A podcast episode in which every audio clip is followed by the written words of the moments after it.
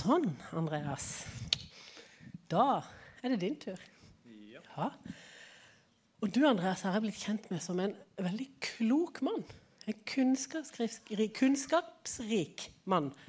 Som er modig i å dele kunnskap. Flink til å, eller ikke flink til, men du velger å sette deg inn i ting. Og velger å gjøre en grundig jobb. Sånn at når du forteller og når du snakker, så kommer det fra et fundament som gjør at det er lett å stole på deg. Og stole på at det du har å si, kommer fra et sted. Du må skru på myggen. Ja. Og så er det en annen ting som jeg er blitt kjent med Andreas på. det er at Han er i vår familiegruppe. Og så er du en sånn en Andreas som ser hvert enkelt barn veldig spesielt. Og det blir jeg så glad for. Når du sender en hilsen til mitt barn, eller du hadde sendt meg ei bok hjem til Jakob, for du så at det var ei bok som kunne være fin for han å lese. Så den kombinasjonen av varme og kunnskap, den har Gud lagt på deg. Og den gleder jeg meg til å bli enda mer kjent med. Gleder jeg meg til å høre deg i dag. Be for deg. Jesus, takk for Andreas. Takk for at du holder din hånd over han nå. Din velsignelse ned over han. Dine ord ut gjennom hans munn.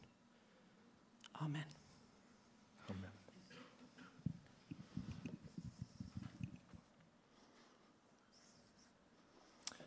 Hallo.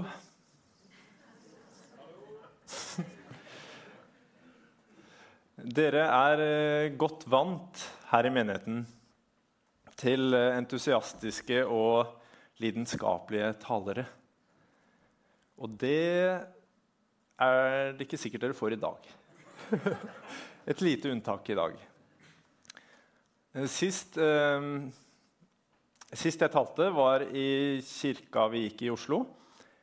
Og etter gudstjenesten da så kom eh, han som er prest der mot meg, da, en sånn svær bamse med skjegg.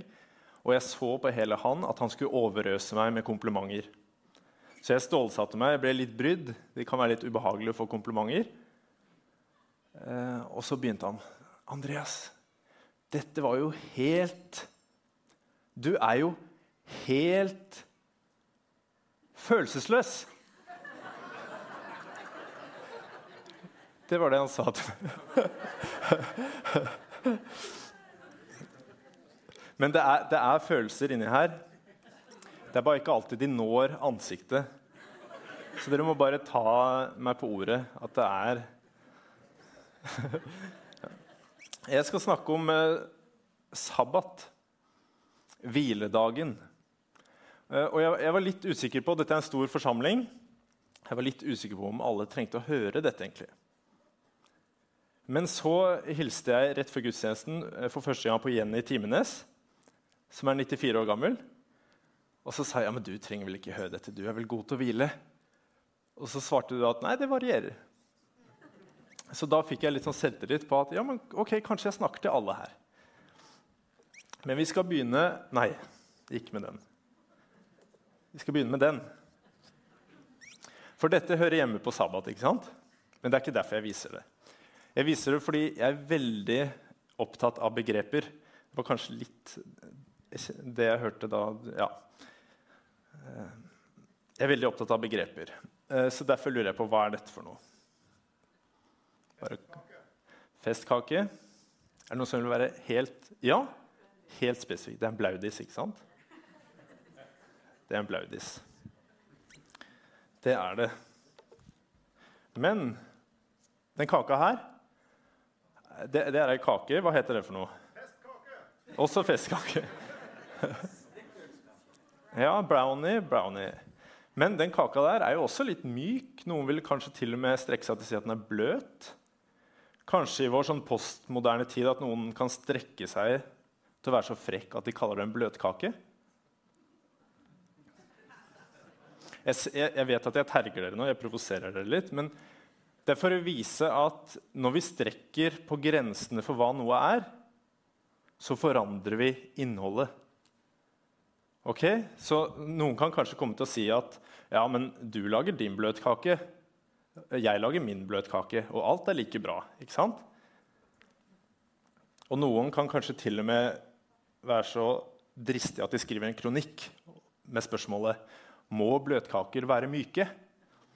Ikke sant?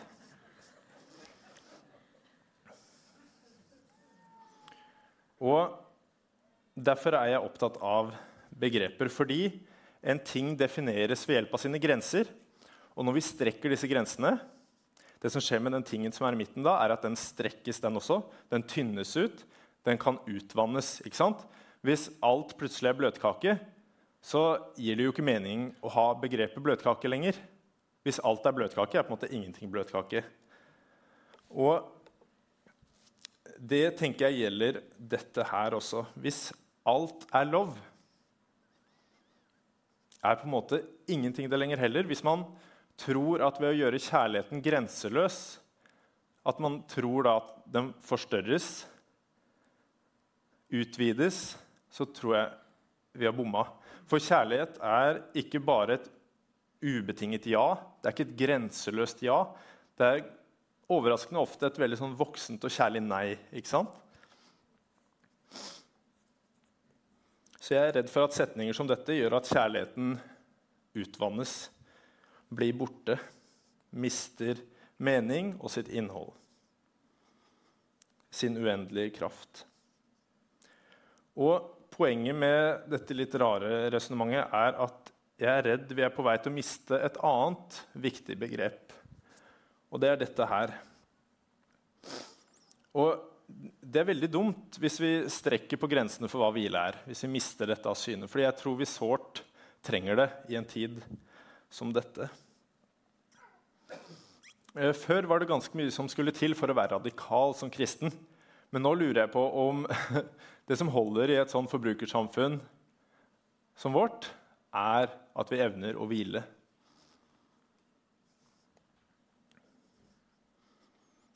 Og Det er derfor jeg skal snakke om sabbat. For sabbat betyr stopp.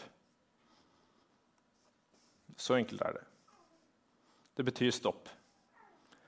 Men for at det skal gi mening, for at vi skal kjenne den dype velsignelsen, forstå den dype visdommen som ligger i det å stoppe, så må vi kanskje innse først at vi er i fart. Det gir ikke mening. Det frister ikke å stoppe hvis vi står stille eller hvis vi ikke skjønner at vi er i bevegelse. Og det var det noen fariseere òg som spurte Jesus om da han snakka om frihet. I Johannes 8,33 står det ja, men vi er Abrahams ett og har aldri vært slaver for noen.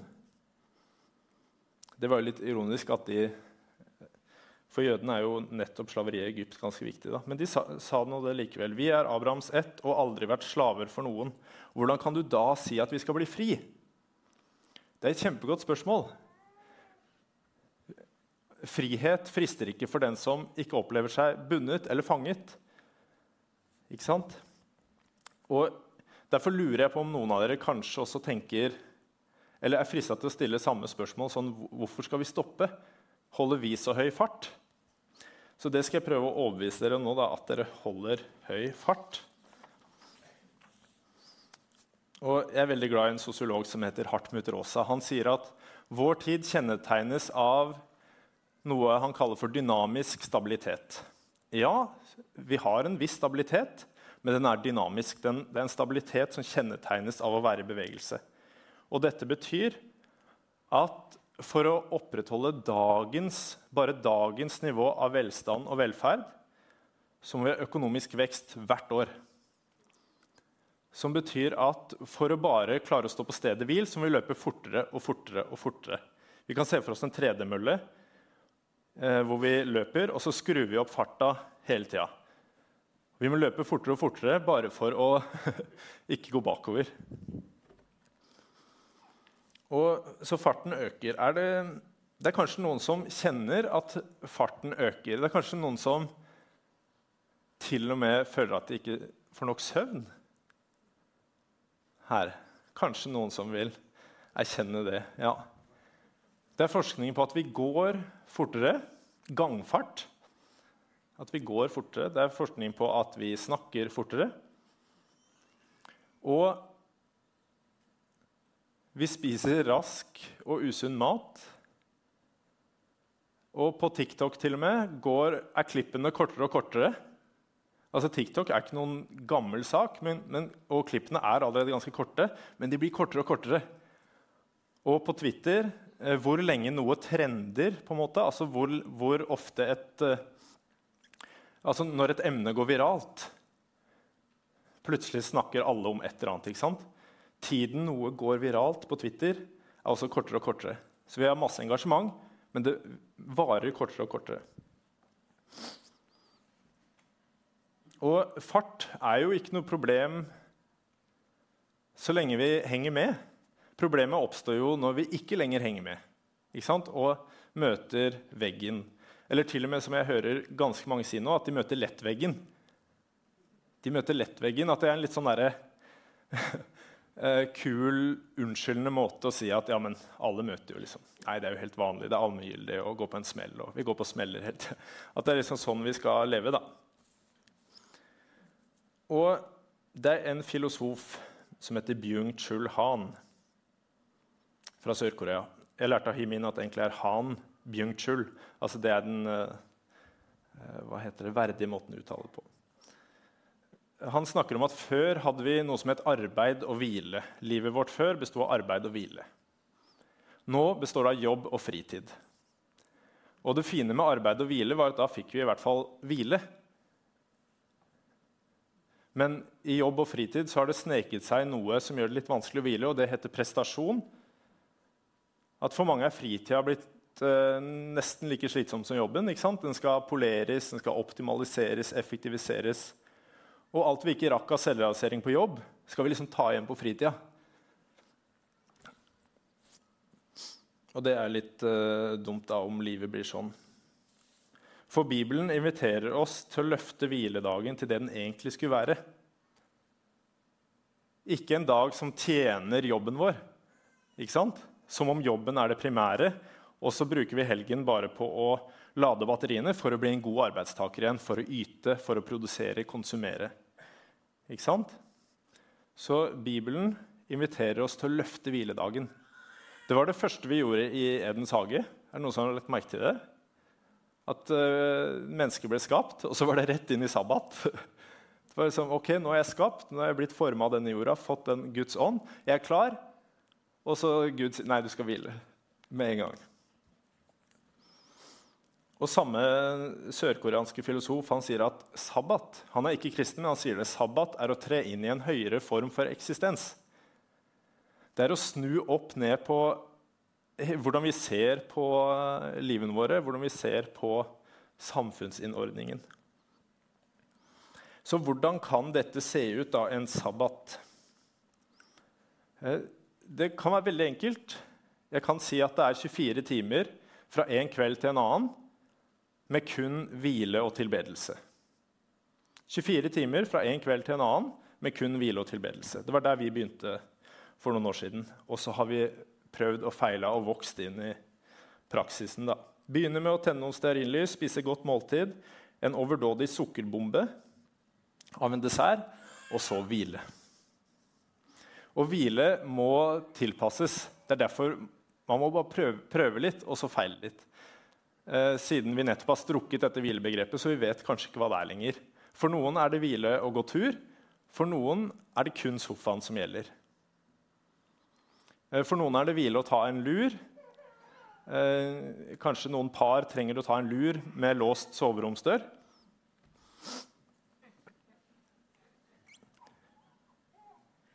Og for noen er det hvile å se Premier League, altså engelsk fotball. For meg som Manchester United-fan så har det vært en følelsesmessig berg-og-dal-bane de siste ti årene. Så det er definitivt ikke hvile for meg. Så jeg ser ikke fotball på sabbat. Da. Det kan jo hende det endrer seg. Og så er det Netflix. Eh, jeg tror ikke dette er hvile. Jeg tror det gir et skinn av hvile. Jeg tror det gir et skinn av hvile. At vi kan sette ting på pause. Men jeg tror alt av følelser, tanker og ubearbeida ting kommer bare med uforminska kraft når vi skrur av. Og så har det kanskje gått tre timer da, uten at vi har fått hvilt. egentlig. Eh, og det samme gjelder um, alt vi ser på TV. egentlig. Vi prøvde å se Amazon Prime sin nye Ringens herre-serie på sabbat. Og det gikk ganske fint. Helt til episoden hvor eh, Mordor blir til, som er ganske brutalt. Da det er som et slags sånn helvete på jord. Skapelsesberetningen for helvete på jord. Eh, og etter vi så den, så var hvile langt utenfor rekkevidde for kona mi. da. Hun var urolig og anspent resten av de 24 timene, så det gjorde vi ikke igjen. Ok, det, Og det viktigste med hvile, da, tror jeg er dette at eh, alle de kristne forbildene jeg kjenner som feirer sabbat, samtlige skrur av mobiltelefonen som det første de gjør. Alle gjør det.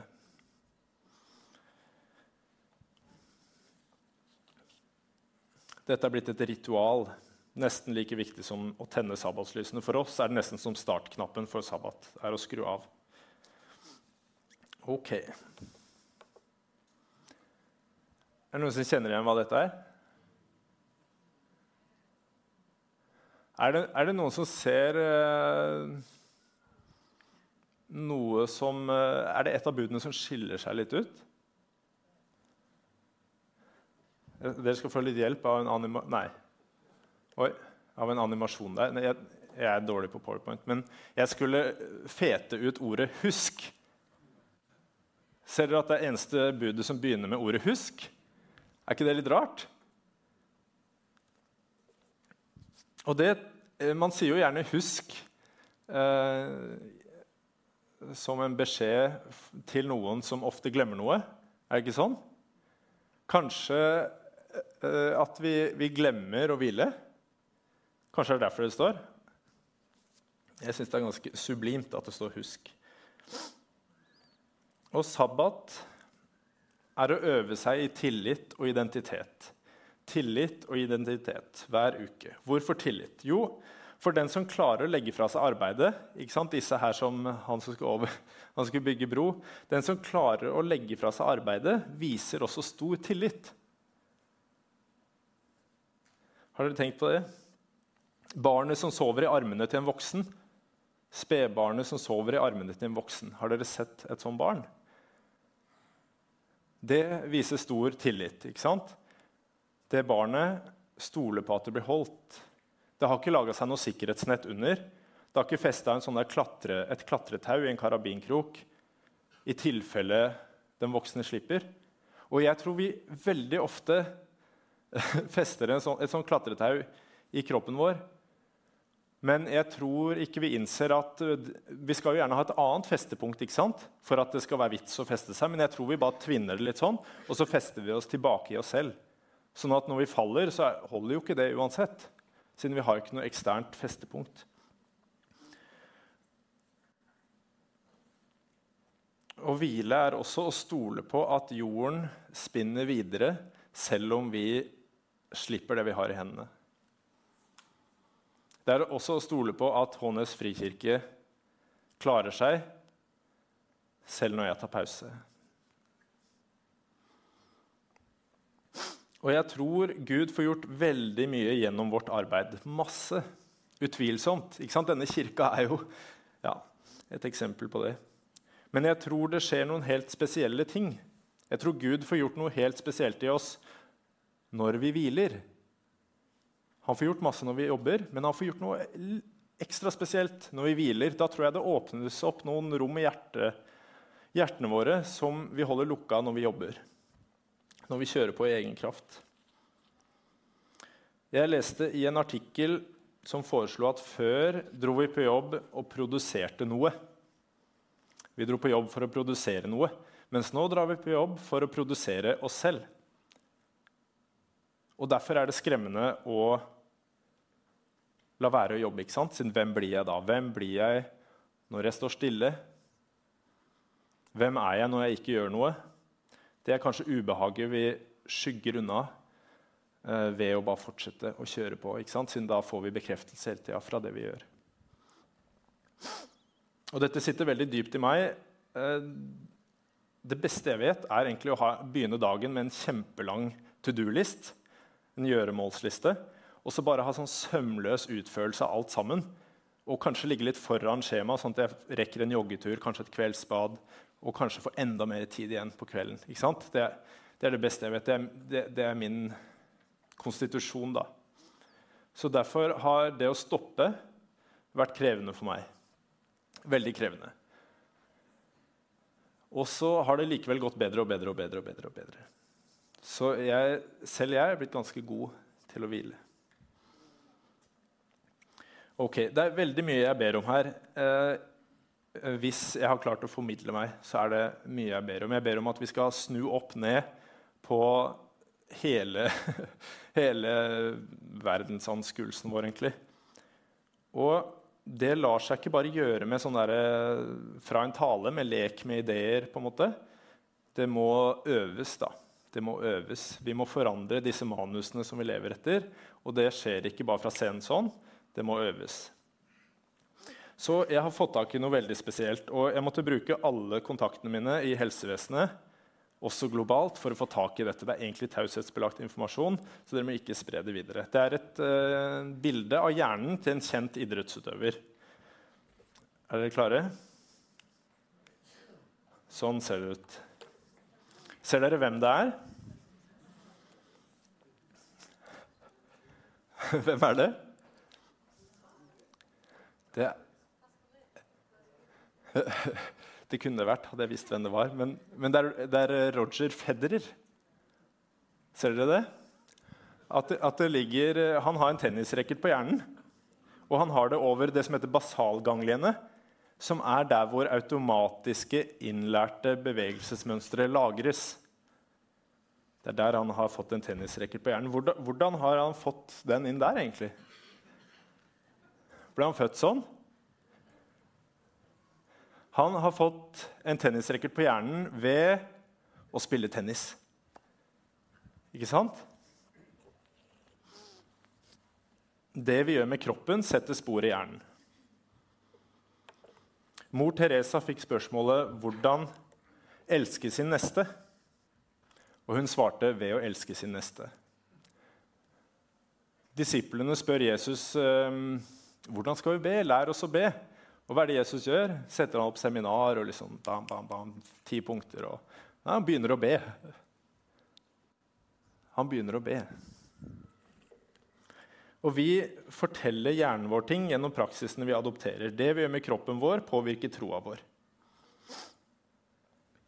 Livene våre viser hvilket livsmanus vi dypest sett lever etter. Er vi batterier med armer og bein, som mange av oss kanskje begynner å tro, som dypest sett forsørger oss selv, kan vi oppnå paradis på jord ikke sant? gjennom å jobbe hardere, skaffe oss solcellepanel, forsikringer, fond, demokrati, fredsprosesser. Eller kan vi ikke det?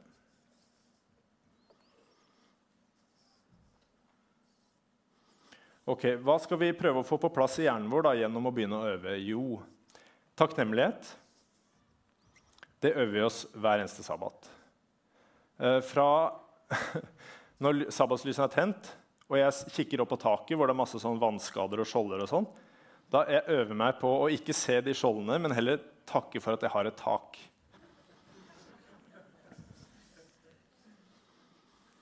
Og vi øver oss i å nyte.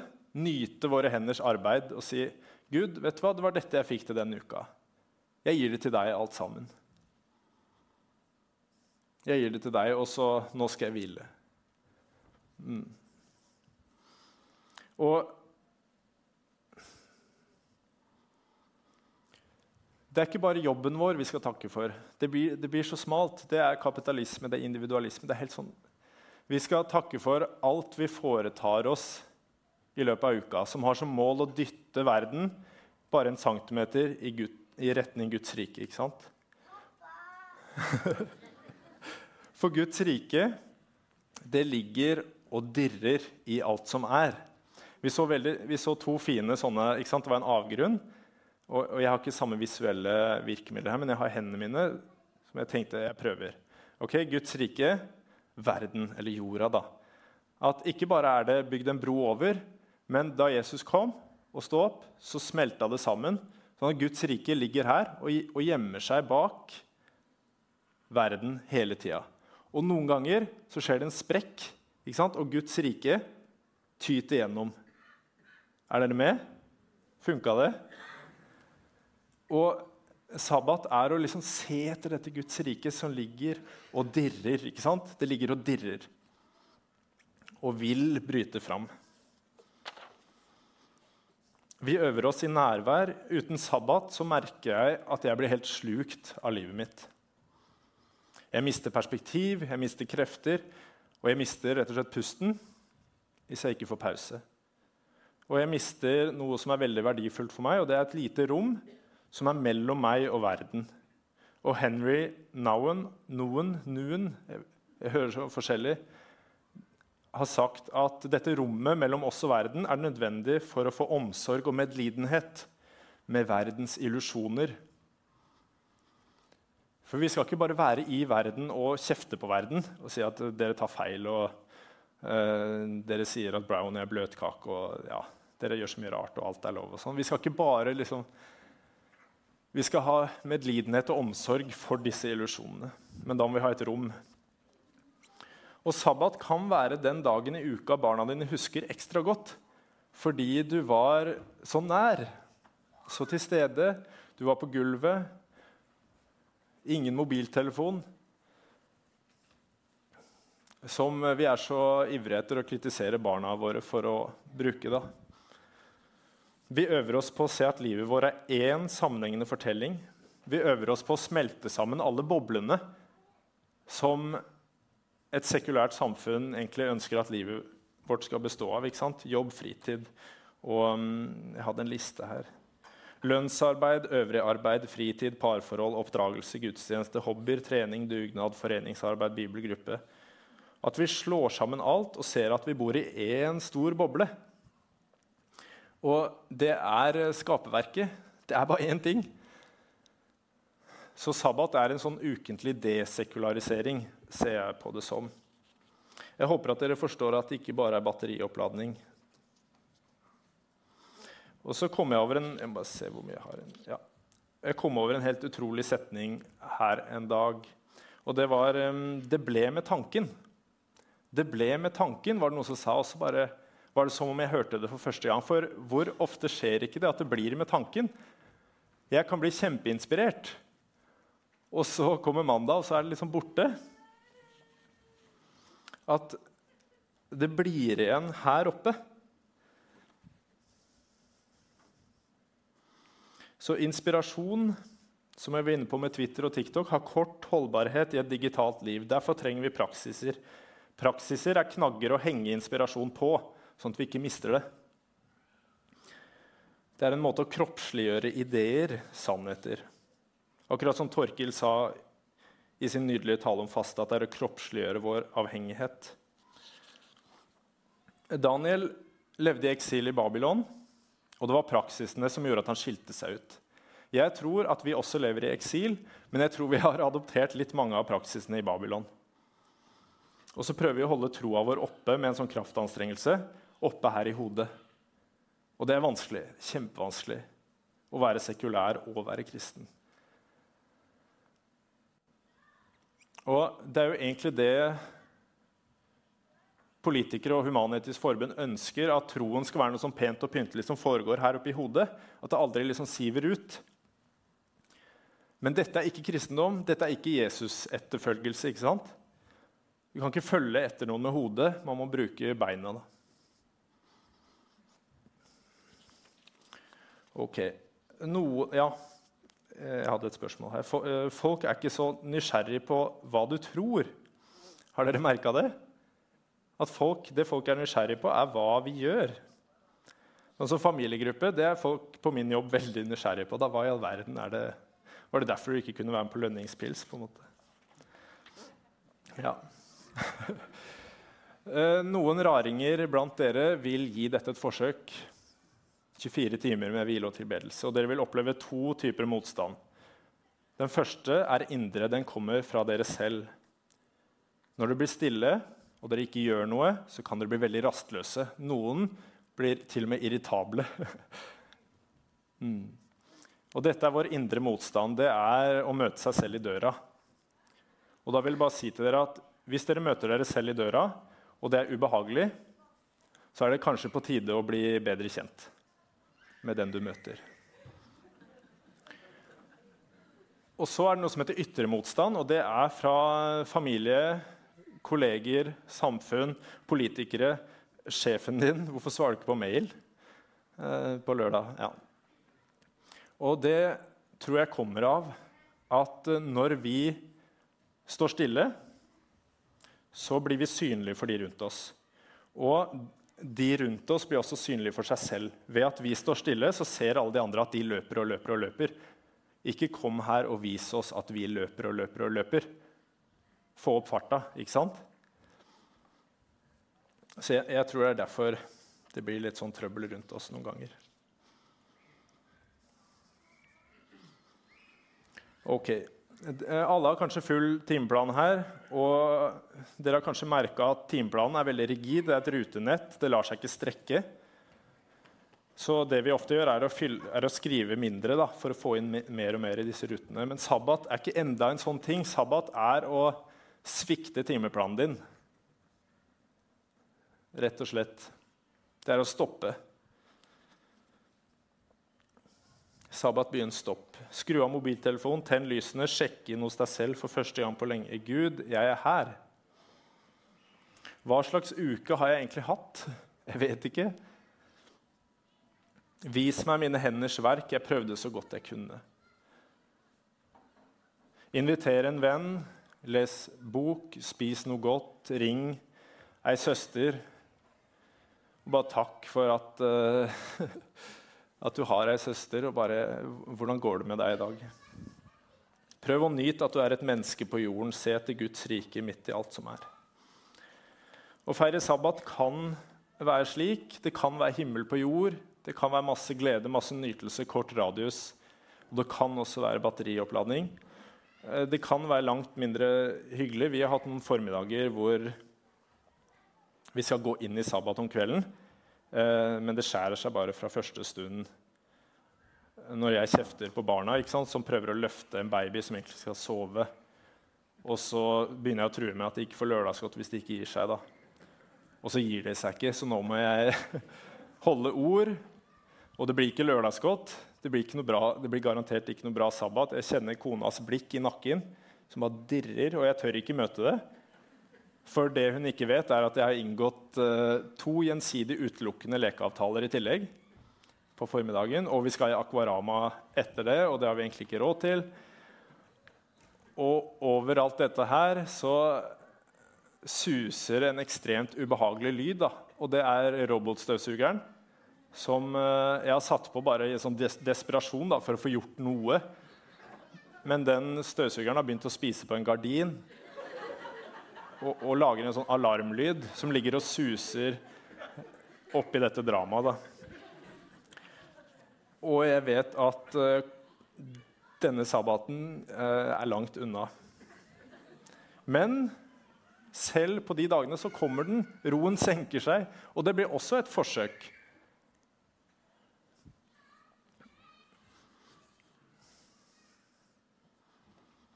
hvor jeg kan stoppe, takke, hvile, nyte, være nær.